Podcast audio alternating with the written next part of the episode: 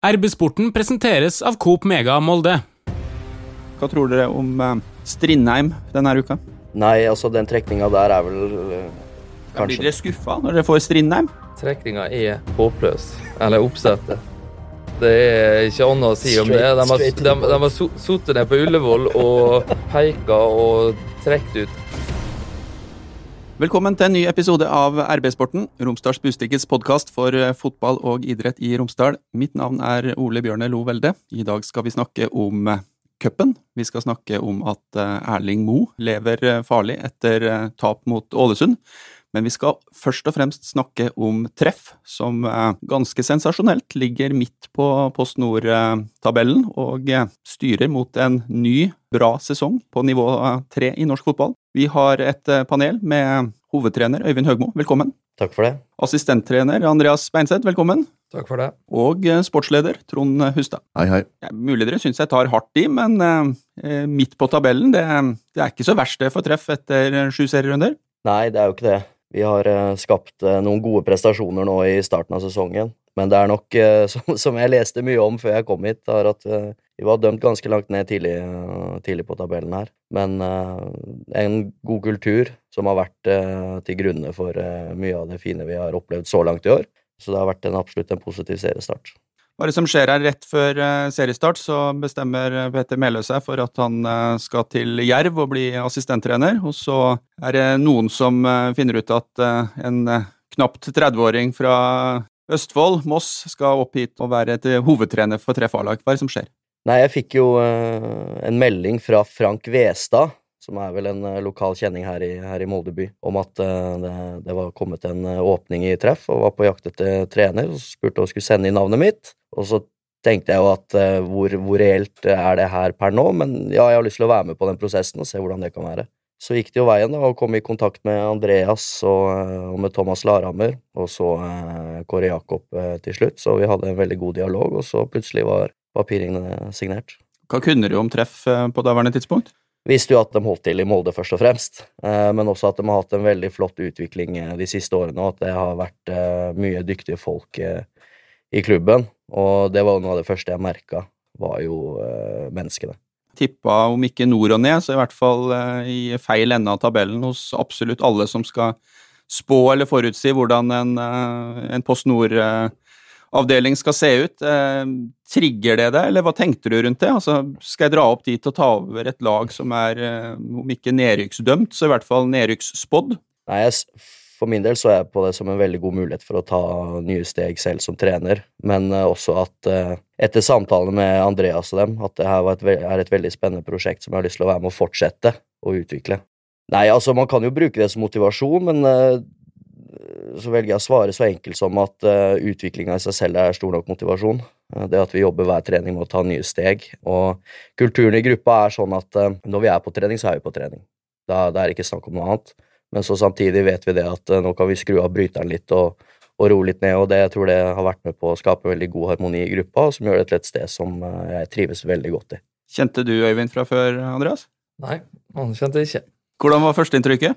Nei, det var veldig bra. Vi hadde en uh, lengre te telefonsamtale, både jeg og en Øyvind, og en Thomas og en Øyvind. Så det var vel der vi, eh, vi endte opp med at uh, det her eh, går vi for. Hvordan føltes det her for, for deg, helt ærlig, når eh, Petter eh, forsvant og du og Larhamar sto her som assistenttrenere et par uker før, eh, før seriestart? Ja, Hvis jeg skal være ærlig med det, så var det veldig vanskelig. Det var et team som hadde jobba kjempegodt og blitt veldig gode venner, så personlig ganske tungt, egentlig. Men når vi fikk børsta av oss den, så måtte vi bare komme oss videre. Vi dro vel opp til Kyrksæterøra, og Thomas alene. da. Jeg kom rett fra A-lisenskurs og hadde en eh, kamphelg, eh, sosialhelg der oppe. Det var veldig Det tror vi eh, vokste mye på, som gruppe, da. Og så kom en Øyvind inn ikke lenge etter det, da. Da var dere på Hotell Koselig på Kyrksæterøra. Det stemmer. Men eh, kjente du på noe, noe ansvar? Tenkte du at eh, oi, dette er ikke sikkert faller på plass, kanskje må jeg og Larhamar styre denne skuta eh, litt inn i sesongen? Ja, det var noe alltid opp til diskusjon. det. Jeg har nå vært med på den runden der noen ganger, da. Både når Magnus Oltdal ga seg, når Petter skulle til Vålerenga, og nå, da. Om vi skulle ta det sjøl eller uh, få inn andre. da. Ikke fordi de er redd for å ta ansvaret sjøl, men det det med å få totalen, da. få inn et bra nok team. Da har vi hatt uh, både keeperansvar og den assistentbiten da, har jeg jo hatt hele veien, og den er spillerne veldig trygge på med at de kan. Og så er det, da er det lettere å søke en hovedtrener da, enn en assistenttrener. Hadde kommet til å blitt en veldig lav stilling i treff da. Helt ærlig, Øyvind, når du kommer til Reknes første gang, hva tenker du da? Altså, når du ser eh, banen, du ser eh, fasilitetene, du ser eh, hva stand klubben er i, hvordan tenker du når du er nyansatt trener? Nei, altså Det tøffeste var jo å forlate mammas hjemmelagde pizza. Det var vel egentlig det som var det tøffeste med den reisen her. Vi fikk se Første uka når jeg kom dit, så var det Andreas Solar som hadde mm, litt mer form av hovedansvaret. Jeg fikk litt tid på å komme inn i det, bli kjent med spillere, kjent med, med ansatte, og ser jo at det er et flott sted å, å drive fotball lokalt i Molde. En, eh, en fin kunstgressmatte og et uh, godt lokale med ny, ny, eller nytt idrettsanlegg, egentlig. Ganske nytt idrettsanlegg. Så det er mye idrett på huset der, og det, det er veldig gøy å se livet som foregår oppe på, på Reknes. Uh, og så er det jo min første seniorjobb, og den kommer da som, også som hovedtrener. Så det var jo litt nervøsitet inne i bildet, men eh, ble godt tatt imot av spillere og, og ledere. Det så jeg egentlig bare på som, eh, på som positivt, altså. Trond, vi snakka litt om det i, i fjor, når eh, Treff eh, fløy høyt og berga plassen i Post Nord. Så snakka vi litt om er man på en måte på maks, og så skjer det som skjedde i vinter. Hva tenkte du som sportsleder når, eh, når Petter ga beskjed om at han skulle til Jerv? Vi var vel inne på det, som du sier, den podkasten vi hadde her i fjor. da, at uh, Hvor lenge er det mulig å opprettholde et så kall det kunstig høyt nivå da, med de ressursene som Treff har hatt siste åra? Så var vi vel enige om at det noe, har vært naturstridig allerede i, i noen sesonger. Ja, når Sjåholm, når den meldinga kom, så klart det sosiale eller emosjonelle er nå én ting, det har jeg stor forståelse for, men klart det sportslige situasjonen som klubben sto i på det tidspunktet der, det er jo ei eh, rein eh, krise på alle måter. Så det så jo eh, stygt ut så kort tid før seriestart, men eh, treff, altså. Det, de slutta ikke å overraske oss eller imponere oss. Det har vært sånn i mange år. Det har vært sånn av og til to ganger i året at halve laget forsvinner. på et eller annet imponerende vis så klarer Treff å, å plukke opp eh, to juniorer eh, fra egne rekker, hente inn to lokale spillere fra lavere nivå, finne to studenter som kommer. Nå har de også fått litt påfyll fra, Østlandet. Sånn at det, den, den, jobben går hele tida. Laget, kvaliteten, nivået, bredden blir opprettholdt. At de klarer å ikke knekke ryggen nå, når man må bytte trener. På det tidspunktet der syns de står veldig stor respekt av, for det var ikke mange som trodde at uh, Treff skulle prestere på dette nivået her så tidlig i, i denne sesongen. Fotballspillere har jo noen uh, skjulte eller hemmeligheter når de skal motivere seg.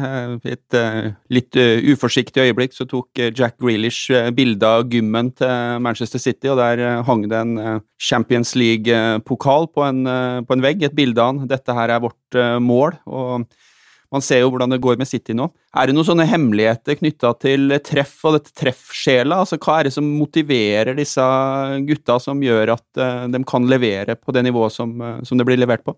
Nei, du har nå vært inne på det hele veien, egentlig. da. Vi eh, har jo, i hvert fall siste åra, fått oppbygd en sånn der oss mot verden-mentalitet. da. Det er alle ville jo ha oss ned. Altså, når vi var i tredje divisjon nå, så var det jo folk som tippa oss ned. Vi gikk opp. Eh, I fjor så var det samtlige, bortsett fra én nettside, så hadde vi på 13., og resten hadde vi på 14. Og det var vel eh, litt av gjengangsmelodien i, i år òg, da. Henger, henger de noe sted, de her eh, tipsa, som, eh, så dere kan liksom titte på dem for å finne motivasjon? Nei, det gjør ikke det, men uh, vi, vi, er fullstendig klar over dem, og vi veit alle hva som blir snakka om rundt omkring, så det, det er bare å skape den, den mentaliteten, så, så har det gått bra så langt, i hvert fall så er det tidlig i sesongen ennå. Øyvind, du var innom det. Dette er din første jobb med, med seniorspillere. Kan du fort eh, dra lytterne gjennom din eh, trener-CV? Starta vel i en alder av eh, 22 i Sprint i Jeløy. Var vel der i ca. fem år. Da hadde jeg ansvar for litt, eh, litt diverse G16, G14, G15. Og så eh, gikk det videre til Fredrikstad, hvor jeg hadde hovedansvaret for G16 i eh, tre år, og samtidig kombinert med en rolle på Wang Ung som trener der. Og så ble det etter det en periode i Stabekk, litt over ett år, hvor da ansvaret var for 13- og 14-åringer og assistent på G19. Man får jo jobbe med hobbyen sin, rett og slett. Det er jo helt fantastisk. Og, eh, og så gikk det som det gikk, og da var man i, plutselig i Molde og, og i treff. Hva er den store forskjellen mellom det å trene talentfulle ungdommer og det å ha ansvar for et seniorlag? Hovedforskjellen er jo at det er enda større fokus på å utvikle en spiller uh, yngre, og du skal forberede ham på seniorfotballen. Her kommer du til en gruppe som er på et seniorlag som har blitt forberedt uh, så langt uh, de har spilt, og da er det litt andre rammer å, å, å, jobbe med, og da blir det litt mer fokus på på lagstruktur, enda mer på det taktiske, vil jeg si, men uh, samtidig så er det viktig å ikke glemme det at vi skal fortsette å utvikle fotballspillere og utvikle uh, mennesker. og det er nok den største, den aller største forskjellen er jo ledererfaringen man tar med seg. Du jobber med voksne folk, uh, og de stiller nok litt større krav, men da samtidig kan man stille større krav tilbake.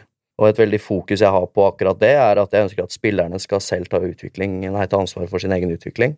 Det er ikke jeg som skal si at uh, du skal nå uh, bli toppskårer i Post Nord. Det er, ikke skal, det er ikke jeg som skal si at nå skal du til uh, Eliteserien til neste år. Det må de sette egne mål på. Og på ungdom så er det kanskje det å hjelpe dem litt mer med, med målene som skal settes også. Er det øyeblikk etter at du tiltrådte hvor du tenker at dette ser tøft ut? Dere var vel en tur i Kyrksæterøra rett før rett før seriestart? Ja, vi fikk en liten vekking der, eller jeg for min del fikk uh, se et av topplagene i Post Nord, i Levanger. Og hvordan gikk det? Nei, det gikk jo som det gikk, da. Jeg, jeg, husker ikke. Var det fem, seks eller sju? Åtte, ja. Åtte. og det var generalprøver, da, så da, da, skal jeg innrømme at jeg tenkte midt i òg. Men så kom vi til riktignok 3-0-tap mot Brattvåg i første, da, og da men prestasjonen var langt bedre da. Det var, var vel ikke en 3-0-kamp eh, i så måte, så da, eh, da var vi litt mer betrygga på at vi er på vei en plass. Når var det første gang ordentlig artig, ja? Nei, det Jeg vil jo si det har vært morsomt, eh, egentlig, fra, fra dag én. Men det var det å kjenne på i forkant av seriematchen mot Brattvåg der, lokaloppgjør, så får man jo resultatet imot seg, men som Andreas sier, prestasjonene var, var veldig positive, og det gir oss noe å bygge videre på. Og da hadde vi tatt kvantesprang fra Levanger-kampen. Så vi ser jo at det bor mye fotball i laget, mye god kvalitet, og at vi kan lære å legge ting bak oss, og ikke la det prege oss eh, neste kamp. Og det så vi jo da i kampen i neste kamp etter Brattvåg, borte mot uh, Fløy. Det er jo en del um, rykter og prat knytta til det med budsjettene i denne Post Nord-ligaen. Noe av det er jo også transparent, i form av at eh, NFF går inn og plasserer i ulike soner ut fra hva slags økonomistyring eh, man har. Men eh, for lytterne våre, hva slags type motstandere er dere møter i forhold til økonomiske muskler, og hvor plasserer dere treff på, kall det, pengetabellen, da?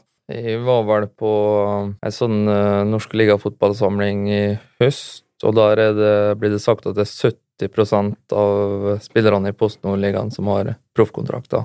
Og det vil jo si minimum 4500 eller 5000 i måneden. Treff har eh, ingen. Eller det vil si, vi har de to lånespillerne våre er jo i utgangspunkt på proffkontrakt i sine klubber, men eh, vi har ingen på proff her og nå, da. Det er liksom ståa som, som er, da. Det er jo litt som en Trond sier, da, at vi er jo kunstig høyt i forhold til eh, budsjett og rammer, men så tar vi igjen mye på kultur, da. Men det treff som klubb må flytte oss og nærme oss litt de andre hvis det skal være bærekraftig i lengden, da. For hvis vi ikke gjør det, så vil det komme en nedflytting en eller annen gang. Hva skal til for at uh, treff kommer dit, at de har et uh, knippe, altså en håndfull uh, spillere på, på proffkontrakt? Og ligger det noen risiko i at to, tre, fire, fem av dem skal være betalt? Ja, absolutt. Må jo trå veldig varsomt i den hvis vi eventuelt skal gå den veien, da. sant? Det kan jo drepe litt av kulturen òg, sant. Så det er vanskelig. Men uh, jeg tror liksom vi må strebe etter å komme dit, og så må vi selvfølgelig velge de riktige å putte på først, da, hvis det blir eh, aktuelt en gang. Hva budsjett har de, de som har mest i en sånn divisjon, vet dere noe om det? Mm, jeg vet ikke akkurat hva det ligger på, men det er nå de lagene som har fulltidsspillere, hele troppen, da, trener på dagtid har det som jobb, da. Så da kan du tenke deg at det er ganske høyt, da. Er det spillere i Post Nord som begynner å Altså over halvmillionen, vil jeg tro, men altså er det noen som nærmer seg millionlønning for å spille på det nivået? Ikke som jeg vet eh, per dags dato. Vi får da se. Kommer det mer penger ned, lenger ned i systemene, så kan det jo plutselig skje en dag. Om det ikke allerede er, eh, er tilfellet. Man, man, kan jo tenke seg til at man vil ansette spillere, men man må ha på plass et troverdig budsjett. Hvis ikke så får man jo smekk på fingra av NFF tvert. Hva er det som må til for at treff skal komme dit? Nei, det er jo For det første da, så må jeg nå si at jeg er veldig glad for å ha i en klubb at det er sunn økonomi. da. Det er det. Vi har grønne tall, og det kommer godt ut på lisensene og sånn. da, så noen av motstanderne ble jo trukket poeng nå til sommeren, eh, hvis ikke klagen går gjennom. Det er veldig bra. Og så er det å jobbe knallhardt for å få med næringsliv og, og lokalsamfunnet. Jeg har begynt å jobbe litt bedre enn vi har gjort før, men vi har eh, fortsatt litt å gå på der. da. Hei, Hilde her, fra Coop Mega Molde. Og at Coop Mega Molde finner du alt du trenger til både hverdag og fest. Kom og la deg friste av den lengste ferskvaredisken i Romsdal. Du finner også et stort og bredt utvalg mat fra lokale produsenter. Velkommen til Coop Mega Molde. Det er eh, cuprunde denne eh, uka. Treff skal til eh, Trondheim og møte Strindheim. Molde fotballklubb skal til Surnadal og møte samme motstander som Treff 2 har om, om ei knapp uke. Og i Tomrefjord, men heter det i Tomrefjord? Ja. Ja, bra.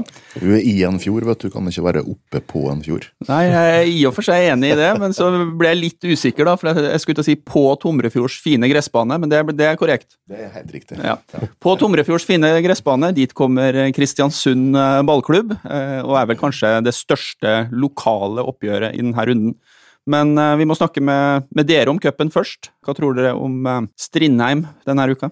Nei, altså den trekninga der er vel uh, kanskje Blir dere skuffa når dere får Strindheim? Trekninga er håpløs. Eller oppsettet. Det er ikke annet å si om det. De har, de, de har sittet ned på Ullevål og peka og trukket ut For det første, Molde skulle ha Tomrefjorden. 100% Og så har jo Surnadalen hatt mye gode motstandere siste året. Vi burde hatt Surnadalen borte. KBK skulle dra til Strindheim. Så enkelt kunne de løst det. Nå har jeg holdt på ei uke med å ordne eksamensplass i Trondheim til en som skal ha eksamen der.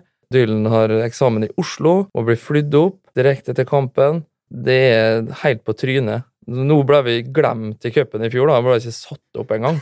Og nå er vi liksom eh, Nå får vi Strindheim borte da, året etter. Det Nei, eh, men nå er vi klar, da. Eh, så nå har jeg fått fått brent av det der, nå, men nå er det fokus på kampen, da. Men jeg måtte, jeg, jeg måtte, bare få si det der. Ja, Det er bra at du sier det, og jeg er helt enig. Du har helt rett, selvfølgelig, i alle de tre eh, observasjonene der. Treff skulle slippe eh, dette her. Jeg er helt enig. Treff burde fått en eh, mer naturlig eh, kamp, og en, for så vidt en enklere praktisk eh, og sportslig mulighet der. Og så, som gammel tomrefjording så har jo jeg vært eh, irritert helt fra dette her oppsettet kom. Det er ubegripelig at eh, en bygdeklubb som har satsa eh, knallhardt og gjort det kjempebra nå i, i, i flere sesonger, har jo vært det, det tredje beste laget i, i Romsdalen etter Molde og Treff to år på rad. Endelig får den muligheten her, og så skal han bli snytt for folkefesten og fotballfesten med at alle heltene kommer over fjorden fra, fra Molde og, og, og spille på Tommefjord stadion, som selvfølgelig burde være det første, enkleste eh, oppsettet du gjør når du setter ned i, i Oslo. Det er jo bare å, å gi Tommefjord den muligheten som Elnesvågen har fått, som Eide har fått, som Eidsvåg har fått, og fylle opp stadion der og lage til det selskapet. Så skal vi spille mot et lag fra Obos-ligaen fra Nordmøre istedenfor. Fullstendig krise. Og det var jo en gjeng som sto der eh, Det var, må vi vel nesten si, ei natt uh, ute på uh, rivalbanen, Årølia kunstgress, når denne kampen om hvem som skulle møte Molde, faktisk ble spilt. Mellom Tomrefjord og Misund. For det var jo det alle trodde. Og den gikk jo til ekstraomganger, og lyset gikk tre eller fire ganger. og det som holdt motivasjonen oppe der, var jo at Molde lå i potten, trodde alle men sånn ble det ikke. Men eh, NFF, har de ikke noe følelse med hva som skjer uh, jeg skulle til å si, utafor bomringen? Ikke nok, tydeligvis. Vi må videre i, forhold til det sportslige. Strindheim, hva tror du de tenkte når de fikk treff? Nei, de hadde vel litt tanker om at de kanskje ønska å få en større folkefest, de også, vil jeg tro, når vi først er inne på det. Men nå fikk de oss, og vi fikk dem. Og det er, vil jo være en tøff kamp. De ligger jo på andreplass i, i tredjedivisjon. Skårte mye mål, sluppet inn få. det er vel kun Nardo nå som er foran dem, med en eksklubb av meg, for så vidt, som jeg spilte for et år. Så det var litt deilig å, deilig å se. Nei, det er vel den tøffeste trekninga vi kunne fått, der vi fortsatt er eh, favoritter. Eh, så det blir en tøff batalje, men, eh, men eh, veldig, veldig spent, og det blir utrolig morsomt eh, med, med cup igjen, altså. Det, det, må jeg si. For meg som bare opplevde det på eh, ungdomsnivå, så blir det utrolig artig å få den opplevelsen på senior. Strindheim slipper inn få mål, sier du. Det er vel en moldenser som står i det målet? Ola Lervik? Ja, han uh, starta vel ikke sesongen, men han, jeg tror han har kommet inn de siste kampene nå. Storebror til Peder Lervik, som er tredjekeeper for eh, Molde fotballklubb. Og så vidt vi har skjønt, så kunne jo det faktisk blitt en meget interessant eh, brødreduell. For Peder var vel for kort tid siden aktuell for et lån til treff. Absolutt, og vi var vel nesten i, i mål òg. Snakka med Erling og Per Magne, og de var, var egentlig klart det. Vi rullet her i gang. Og så informerte den Øyvind og Thomas, og så tar det fem-ti minutter, og så ringer Erling opp igjen, og så sier han at nei, han Snorre har funnet en regel som gjør at uh, det ikke kan registrere han Peder inn i uh, Europa seinere i år, da, hvis han spiller kamp for treff. Siden den nasjonale utlånsavtalen er altså nasjonal. Uh, og derfor så um, skjønner MFK at de ikke kunne slippe den, da. Da måtte vi leite videre, og den uh, leitinga holder vi på med fortsatt. Så vi håper å ha et eller annet klart uh, i løpet av uka. da. Vi har jo skrevet om dette, her, men kan du dra kjapt gjennom bakgrunnen for at dere er på utkikk etter keepere, for dem som ikke kjenner historien? Ja, vi skulle ha restitusjonsøkt på Reknesbanen. Jeg trumfa vel gjennom fotballtennis da, for en uh, Øyvind her. Ja. Uh, det var lenge siden vi har hatt lagtennis da, på den restøkta. da. Sette opp fire baner, opp- og nedrykk. Eh, kjørte liksom hovedbanen var Eliteserien, Obos, PostNord, Norsk Tipping ligaen, Og så står jeg og dømmer på det som er Eliteserien, da. Og så plutselig er det noe som roper på meg, da. Og så snur jeg meg, og så ligger en Sivert nede. da. Tror han kødder med meg, men jeg går bort, og så ser jeg bare en blodpøl rundt øya og det renner blod fra nesen og greier. Da. da, må vi bare få han stabrende opp i bilen og kjøre ned på legevakta. Og da var han jo med en der, og da fikk vi nå kjørt på sykehuset etter hvert, og så etter litt CT og sånn, så fant vi ut at det er brudd rundt øyehula, da. Og da opereres han nå, faktisk. Han blir ute han, eh, fram til sommeren? Eller? Han blir ute. Det var vel sagt i beste fall en måned etter den operasjonen, da, og da, eh, da er vi vel i månedsskiftet juni-juli, og da har vi noen kamper igjen. Så er vi ordentlig heldige, så er han på plass igjen noen kamper før sommerpausa. Ja, han er vel fortsatt juniorkeeper, eh, Torvik, mm. som måtte opp og vokte post nordburet. Klarte seg kjempebra mot Vard. Var trygg, prata, flink med beina, fulgte kampplanen. Så jeg var veldig fornøyd med han eh, den kampen. Men så må vi ha konkurransesituasjon til han Sivert er tilbake. Så da det, har vi to alternativer. Vi har jo en keeper i Misund som er utlånt der, Håkon de Jong. Så det blir enten å hente tilbake han, for det kan vi gjøre etter en måned, han, eh, det var vel i dag eller i morgen, så har det gått en måned, eller så henter vi han utafra. Og imens så er det noen som må vokte treff to-buret? ja, det var første kampen mot Sunndal borte. Da var det en, um, en som står på treff tre, han Kristian Sunndal, student. Så uh, begynte vel jeg å nærme meg klar da, i, i går. Og så ja, jeg skal være med og spille, da. Så det var artig, da. Ble 4-0 mot uh, Holmefjorden. Holdt nullen? Hadde du noe skudd på det? Ja, hadde vel uh, noen sånne rolige, da. Altså, men det var en som ble litt opphausa av enkelte. Det var et frispark som jeg, jeg flytta beina kjapt og vurderte å slenge meg og ta en TV-redning, men uh, plukka han ned istedenfor. Det var ikke TV-kamera der, så du lot være? Ja, det var sånn VO-kamera. Så Karina, som er oppmann på Treff to, hun hadde klippet ut og sendt inn i oppmanngruppa i går, da, den, den redninga. Jeg så, så nerd skal jeg innrømme at det første jeg gjorde da når jeg så du spilte, var at jeg gikk inn på fotball.no for å sjekke når, når spilte Beinseth sist. 2022 mot, mot Vålerenga 2! Ja, det var korteste jeg har spilt noen gang. Det Ja, var, du, du sto oppført utpå. ja, det var starta som venstrekant. Det var også på grunn av Malmefjorden, faktisk. Altså, Kretsen hadde jo klart å sette opp runde i Post Nord-pausa, og den prøvde vi å flytte lenge. Og mens Morten var trener i Malmfjorden, så hadde vi en sånn gentleman's agreement om at det, det skulle vi gjøre. Men så slutta Morten, da, og da skulle han plutselig ikke flytte den likevel, da. Da hadde vi en runde på hvem er det som er i Molde. Så fant vi ut at Julian og eh, Martin Olim var, var i Molde, da. Så da, ja, da satte opp med oss sånn eh, Han var nå i troppen, av Håkon Bryni Reitan. Men han eh, var nå i Oslo, så han skrev opp med han. Dundra han Simen Beck ballen ut etter fire sekunder, knapt det. Og så bytta vi inn han Julian og han Olim, så de kunne starte mot Malmefjord. Korteste innhopp i Post Nord-ligaen, som med meg bekjent, i hvert fall. Ja, korteste, korteste start, hvert Ja, start, ja. Beklager. beklager. Det er jo nesten quiz-spørsmål, det. Ja. Det er spesielt. Vi må snakke litt om det som er eh, målet i enden av en sånn eh, cupreise, nemlig å løfte pokalen. Og eh, Øyvind, der har din familie rike tradisjoner og ferske begivenheter å vise til. Jo, jeg har jo da en far som både har vunnet cupfinalen som spiller i 1986 med Tromsø, og som trener nå på torsdag, 18. mai, med Hekken, da hvor de slo Mjelby 4-1, da. Så vi får se om noe av det stjernestøvet har eh, flagra over på oss her. Kjenner du på presset? Ja, veldig. Nei, altså, det gjør, gjør vel egentlig ikke det. Vi, vi har vel ikke noen forutsetninger per nå for å vinne, vinne cupen, men eh, det hadde vært gøy å se hvor langt vi kan ta det. Vi satt litt og mimra før vi gikk, øh, gikk på lufta. Jeg var, måtte ta en liten sjekk, og du var vel øh, ikke født engang når pappa spilte cupfinale for Tromsø i 1986? Nei, det stemmer det.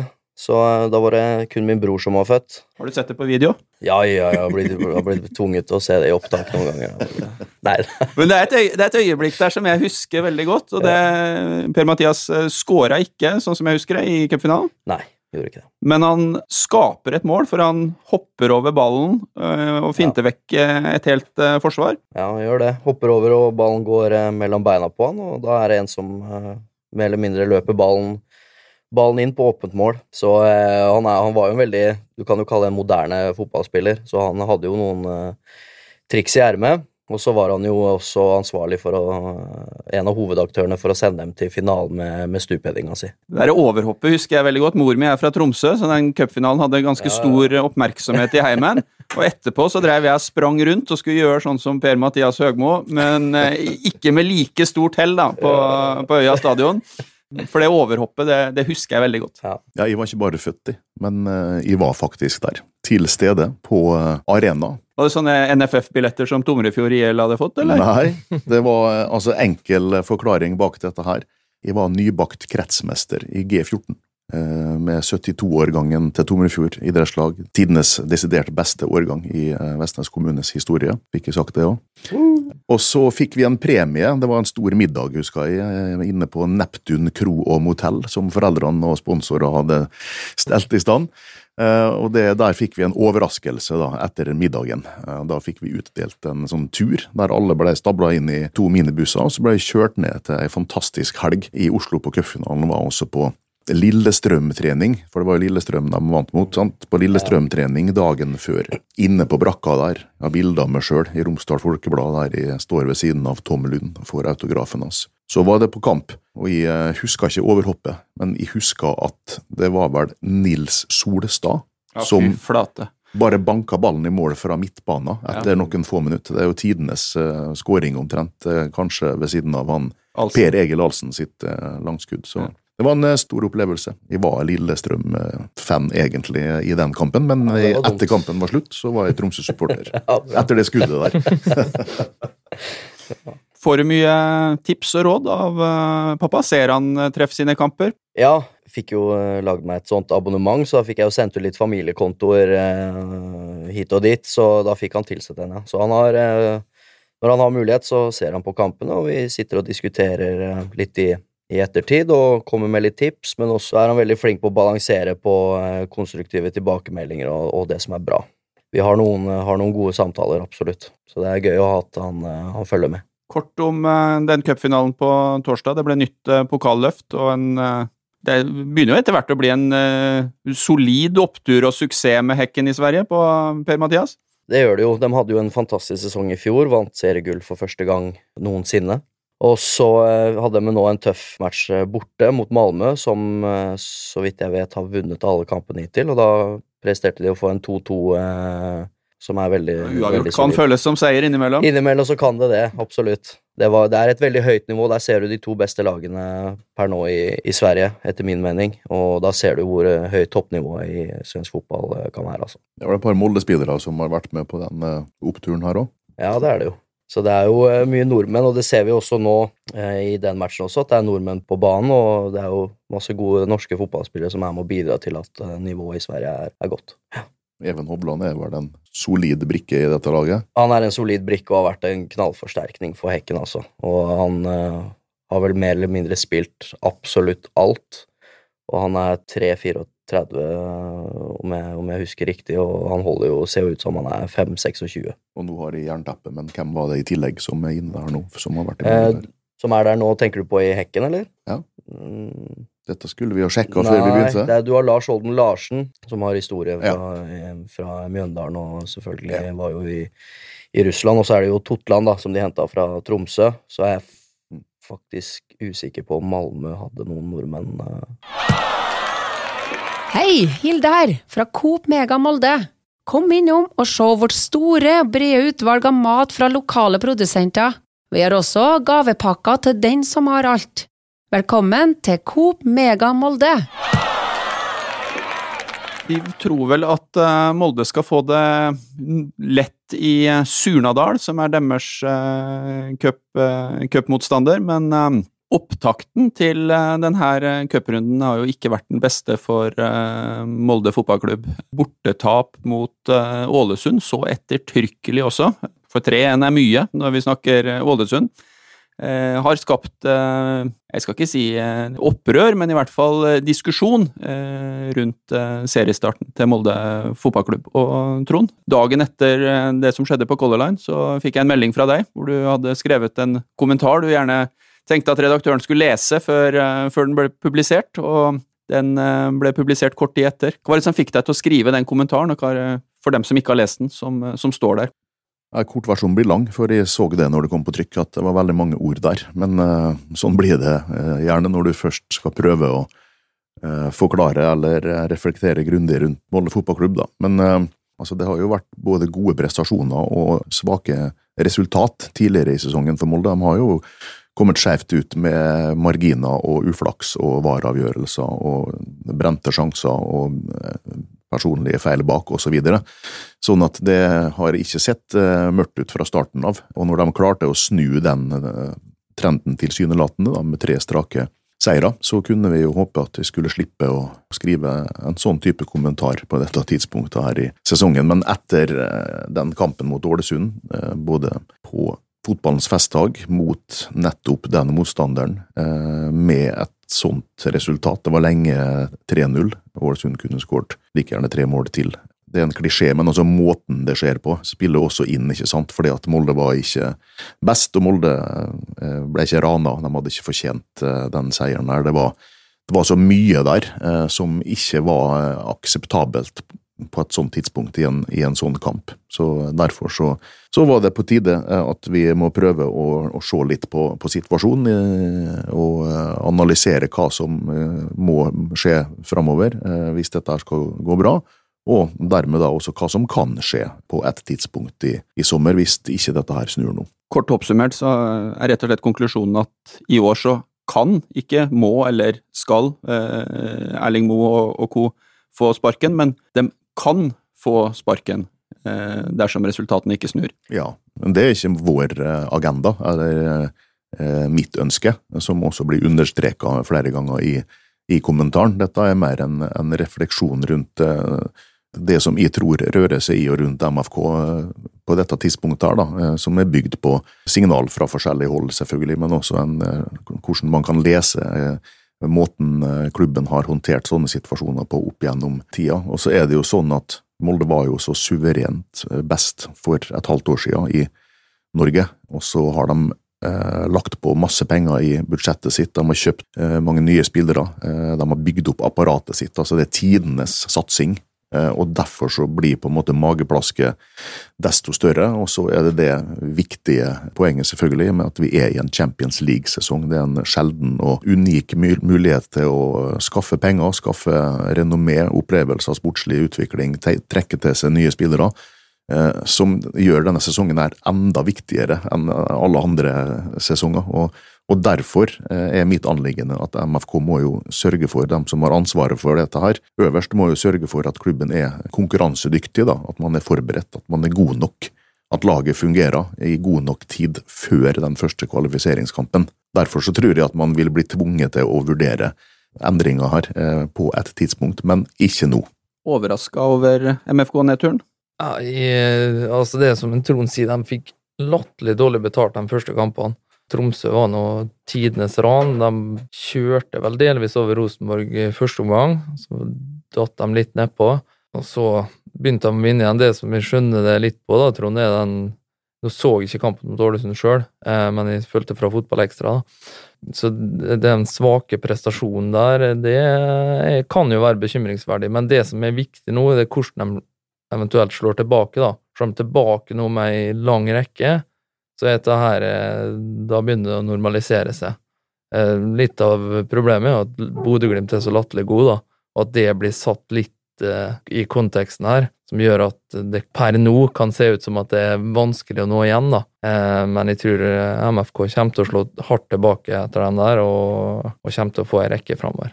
Bodø-Glimt hadde vel en litt sånn periode i fjor også, hvis jeg ikke husker helt feil, Molde vant jo med noen poeng eh, på slutten der, så det er jo altså alle topplag kan jo oppleve denne type ting. Så er det jo måten man eh, responderer på det. Men jeg tror de er for gode til at eh, den streaken skal, skal fortsette. Og så er det jo litt typisk at Ålesund får den, får den seieren på 16. mai, har hatt kniven på strupen lenge nå. Og så smeller inn med tre, tre skåringer og får seg en flott seier som er oppløftende for, for klubben og byen, og at det kommer på, på det tidspunktet der er vel litt sånn typisk også. En del av bakteppet her er jo at uh, i norsk fotball da, så er det her med å liksom ta den uh, nummer én-posisjonen og holde på den, en målsetning for flere klubber, og noe som Molde har hatt mulighet til å gjøre gjentatte ganger. Og hvor man nå kanskje ser at det lykkes man ikke med. Altså I går så feira eh, Manchester City sitt tredje strake Premier... Ja, Greit, jeg er helt enig. Men i, hvert fall, da har man tatt en posisjon da, som som liksom er litt sånn utvilsom, og det er vel det man kanskje ønska seg at MFK skulle ta steget og gjøre nå, da, at man har bygd for å få til akkurat det. Det er jo et annet eh, poeng oppi dette her. fordi at nå, Første gangen når, når Solskjær vant tidenes første gull, så tok jo han to på rad i 11 og 12. Men så eh, falt jo det laget helt sammen i serien eh, året etterpå. Og så var det Skullerud i 2014, og så var det helt på felgen i 15 og 16. Og så var det Solskjær tilbake igjen, og så uh, vant ikke han. Og så klarte Erling Moe dette her i sitt første forsøk i 2019. Og så, Da kollapsa man ikke, men det ble jo fortsatt ikke, det ble sølv de to neste åra. Som du sier, det er jo det alle som jobber med dette her i MFK er ute etter, er jo nettopp den rekka som sitter i, eller andre har, da, for å ta tronen. Bygge sjøltilliten. Ikke komme inn i en flyt der du vinner mange kamper etter hverandre, men der du på en måte av alle grunner da blir det beste laget over tid. og Da må du ta flere gull på rad. Eh, og Det var jo det som virkelig skulle skje nå, eh, etter 18 poengs margin i, i desember, eh, og tidenes satsing og 190 kroner, millioner kroner i budsjett osv. Så, videre. så jeg tror at det, er, det svir også for uh, styreledere eller styremedlemmer eller eiere at uh, man da ikke klarer å utfordre Bodø-Glimt og kjempe om det gullet fra første spark. Mm. Men der er du inne på noe. altså Etter Rosenborg-nedturen fra, fra 18, da, så har jo Molde, som du sier, vært helt oppe i toppen der. Problemet er bare at det kom et uh, gult lag fra nord som uh, har holdt på med et eller annet veldig bra, da, som har utfordra Molde og har blitt har på en måte blitt dem to. Så sånn sett så har det vært positivt for norsk fotball at de, liksom, de har pusha hverandre litt uh, siste åra. Så ser vi Brann melder seg på mer og mer med Absolutt. måten de jobber på, filosofien de type klubbene ønsker å gå for. og det har vært en fantastisk periode, helt enig i det. Og Erling er jo tidenes beste MFK-trener. Mm. Eh, mest meritterte på både antall og eh, medaljer osv. Det er ingen tvil om det. Og eh, siden 2017 så har vel Molde kun vært nummer én og nummer to. Det er jo seks sesonger der da, med gull og sølv. Det er ikke det det handler om, men det handler om at det, i år Ja. så skulle de endelig ta det gull nummer to på rad. Og Derfor så ser det så stygt ut eh, på tabellen akkurat nå. Ser på klokka, jeg. ja. Andreas, eh, du skulle undervise. Jeg har sagt fra at jeg kan komme litt seint. Har du så? Ok. Ja, men da kan jeg, for da skal vi fortsette på den trenerdiskusjonen. For Øyvind, det presset som hviler på hovedtreneren Jeg tror at hvis det hadde stått null poeng eller tre poeng til treff nå også, så ja, etter seks runder kanskje ikke spørsmålet hadde kommet, men etter sju-åtte så kunne de fort ha kommet. Hvordan oppleves det der? Altså, det er jo en del av det yrket her. Man lever litt eh, dag til dag, og den ene dagen så er man en superhelt, og den andre dagen så er man eh, store, stygge ulven. For min del så liker jeg å leve litt med det, fordi eh, det er emosjoner du må kunne klare å håndtere uansett om det er en god periode eller en negativ periode, så, så får man som person jobbe med de forskjellige fasene, da. Og det, det syns jeg er veldig interessant og veldig spennende, og det samtidig å være en, en leder i en sånn situasjon. Eh, Det er jo det som driver det lite grann, og det konkurranseperspektivet. Eh, Men det er da det er så viktig å ha godt støtteapparat rundt seg, gode mennesker rundt seg, eh, som man støtter seg til. Det at man vet at som hovedtrener så er det ikke bare jeg som skal sitte på alle svarene, for hadde jeg, hadde jeg sittet på alle svarene, så kunne jeg vært et one man team, og det er ikke noe jeg ønsker å være. Og det er det jeg føler vi har et godt samarbeid i, i gruppa, med god kompetanse, både på det faglige, men også det, det sosiale. Og det samme med spillerne. Mange fagkunnskaper der, og, og, og gode sosiale ferdigheter. Hele den biten her gjør at uh, det er utrolig morsomt å faktisk jobbe litt under de forholdene. Så ønsker man jo at det skal, oftere skal gå bedre enn at det skal gå dårlig, selvfølgelig. Går det an å si at du langt på vei har vokst opp litt med det her? har jo opplevd mye av det fra tidlig alder, så man er vel kanskje litt vant til det, og vant til å lese overskriftene og få kommentarer på skolegården i, ny og ne. Noen ganger for litt banter, andre ganger for eh, rett og slett for å være ekle, men det altså det er ting man venner seg til, og så kan nok ikke alle sette seg like mye inn i, inn i det uh, som andre, men uh, det er nok blitt en vanesak, og det å leve litt med det syns jeg bare er, er spennende. Hva tenker du når du leser en eh, sportskommentator skrive at en trener lever farlig, eller at kan få sparken, eller lignende? Ja, men det er jo det, er jo, det, det er jo en del av gamet. Det er jo så, så enkelt er det. Det er jo en del av gamet. Og det samme er jo hvis spillere ikke presterer. Hvis du kjøper en spiller, og, eller en keeper, en midtbanespiss, og ikke presterer, så blir det jo diskusjoner rundt eh, dem også. Så man er jo utsatt i det yrket her. Det er jo ingen tvil om. Men det som er viktig, da, er at vi istedenfor at vi går rundt og tenker at faen, jeg håper han uh, mislykkes, eller jeg har ikke lyst til at han skal bli noe god fordi jeg ser for meg at han ikke er noe hyggelig kar, eller han eller hun, eller Men at vi er glad på hverandres vegne. At når andre lykkes, så blir vi, blir vi glad på deres vegne. Så, det, så selv om jeg er Manchester United-fan, og kanskje er det som å banne litt i kirka her, så syns jeg det er litt morsomt, fordi jeg har fulgt Pep Guardiola ganske mange år, en stor inspirasjon for meg, og det syns jeg er morsomt med han og Haaland om de da skulle vinne, vinne Champions League, for eksempel. Det må jeg bare innrømme, det var veldig raust. Ja, ja, men det Hvorfor skal jeg gidde å gå rundt med negativ eh, energi, negative tanker og tenke dritt om folk og være en negativ type? Det, det gidder jeg ikke. Og sånt det bruker jeg ikke energi på. Så kan jeg ha mine mørke øyeblikk, men det handler om å omstille så fort som mulig, for fotballen er en ferskvare. Så det, man lever fra dag til dag og kamp til kamp, trening til trening. Hei sann! Her er jo Hilde fra Coop Mega Molde. Kom innom og la deg friste av den lengste ferskvaredisken i Romsdal. Velkommen til Coop Mega Molde. Vi pleier å runde av arbeidssporten med å se litt inn i um, glasskula, som jeg pleier å si. Vi skal ikke begynne å tippe neste kamp, eh, men jeg har noen tanker om hva vi skal helt til slutt. Først så kunne jeg tenkt meg å hørt med dere. Hvor tror dere treff eh, havner på tabellen? Det er vanskelig å si, men eh, vi skal nå være fornøyd hvis vi havner rundt der vi kom i fjor. Altså med tanke på alle utskiftninger. Trener Vegard dro til Færøyene, mista hele midtbanen. Nå holder vi på å begynne å jobbe opp noe. da. Prestasjonen mot Vard sist var veldig bra, selv om vi, vi burde ha to poeng mer. Er Kjedelig å ta en kamp av gangen, da, men du ser at kampene nå slo Vard eh, Arendal 3-0. Arendal er jo tippa helt i toppen, så det er, det er muligheter i alle kamper, og det kan gå skeis i alle kamper. Det handler liksom om å være på på hver, hver eneste kamp, da.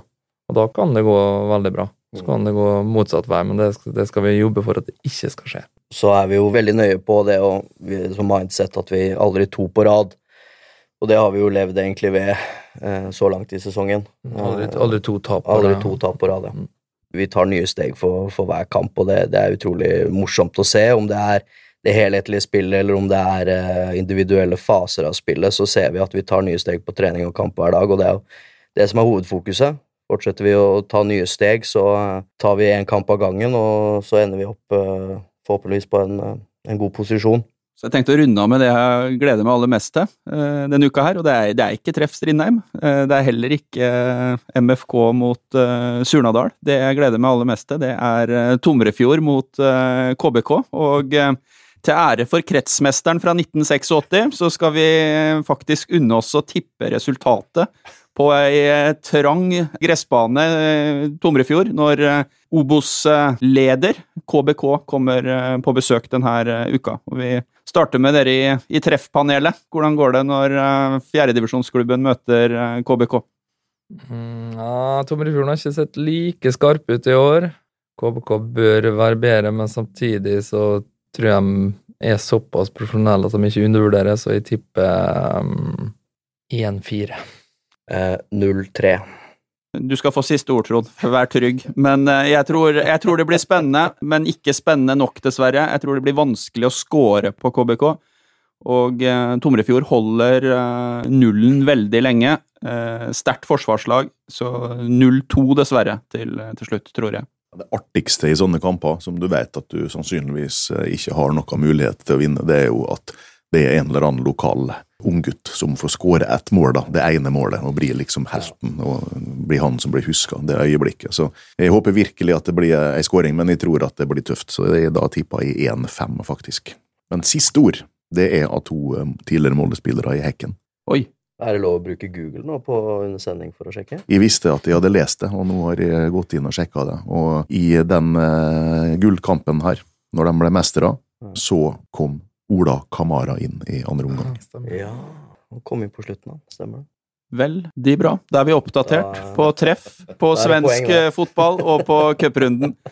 Andreas og Øyvind, tusen takk for at dere tok turen til oss i Arbeidssporten. Takk for at vi kom med. Og ja. Eh, Til dere som hørte på oss, takk for følget, og eh, husk at dersom dere abonnerer på Arbeidssporten der dere lytter til podkast, så får dere beskjed når en ny episode er klar.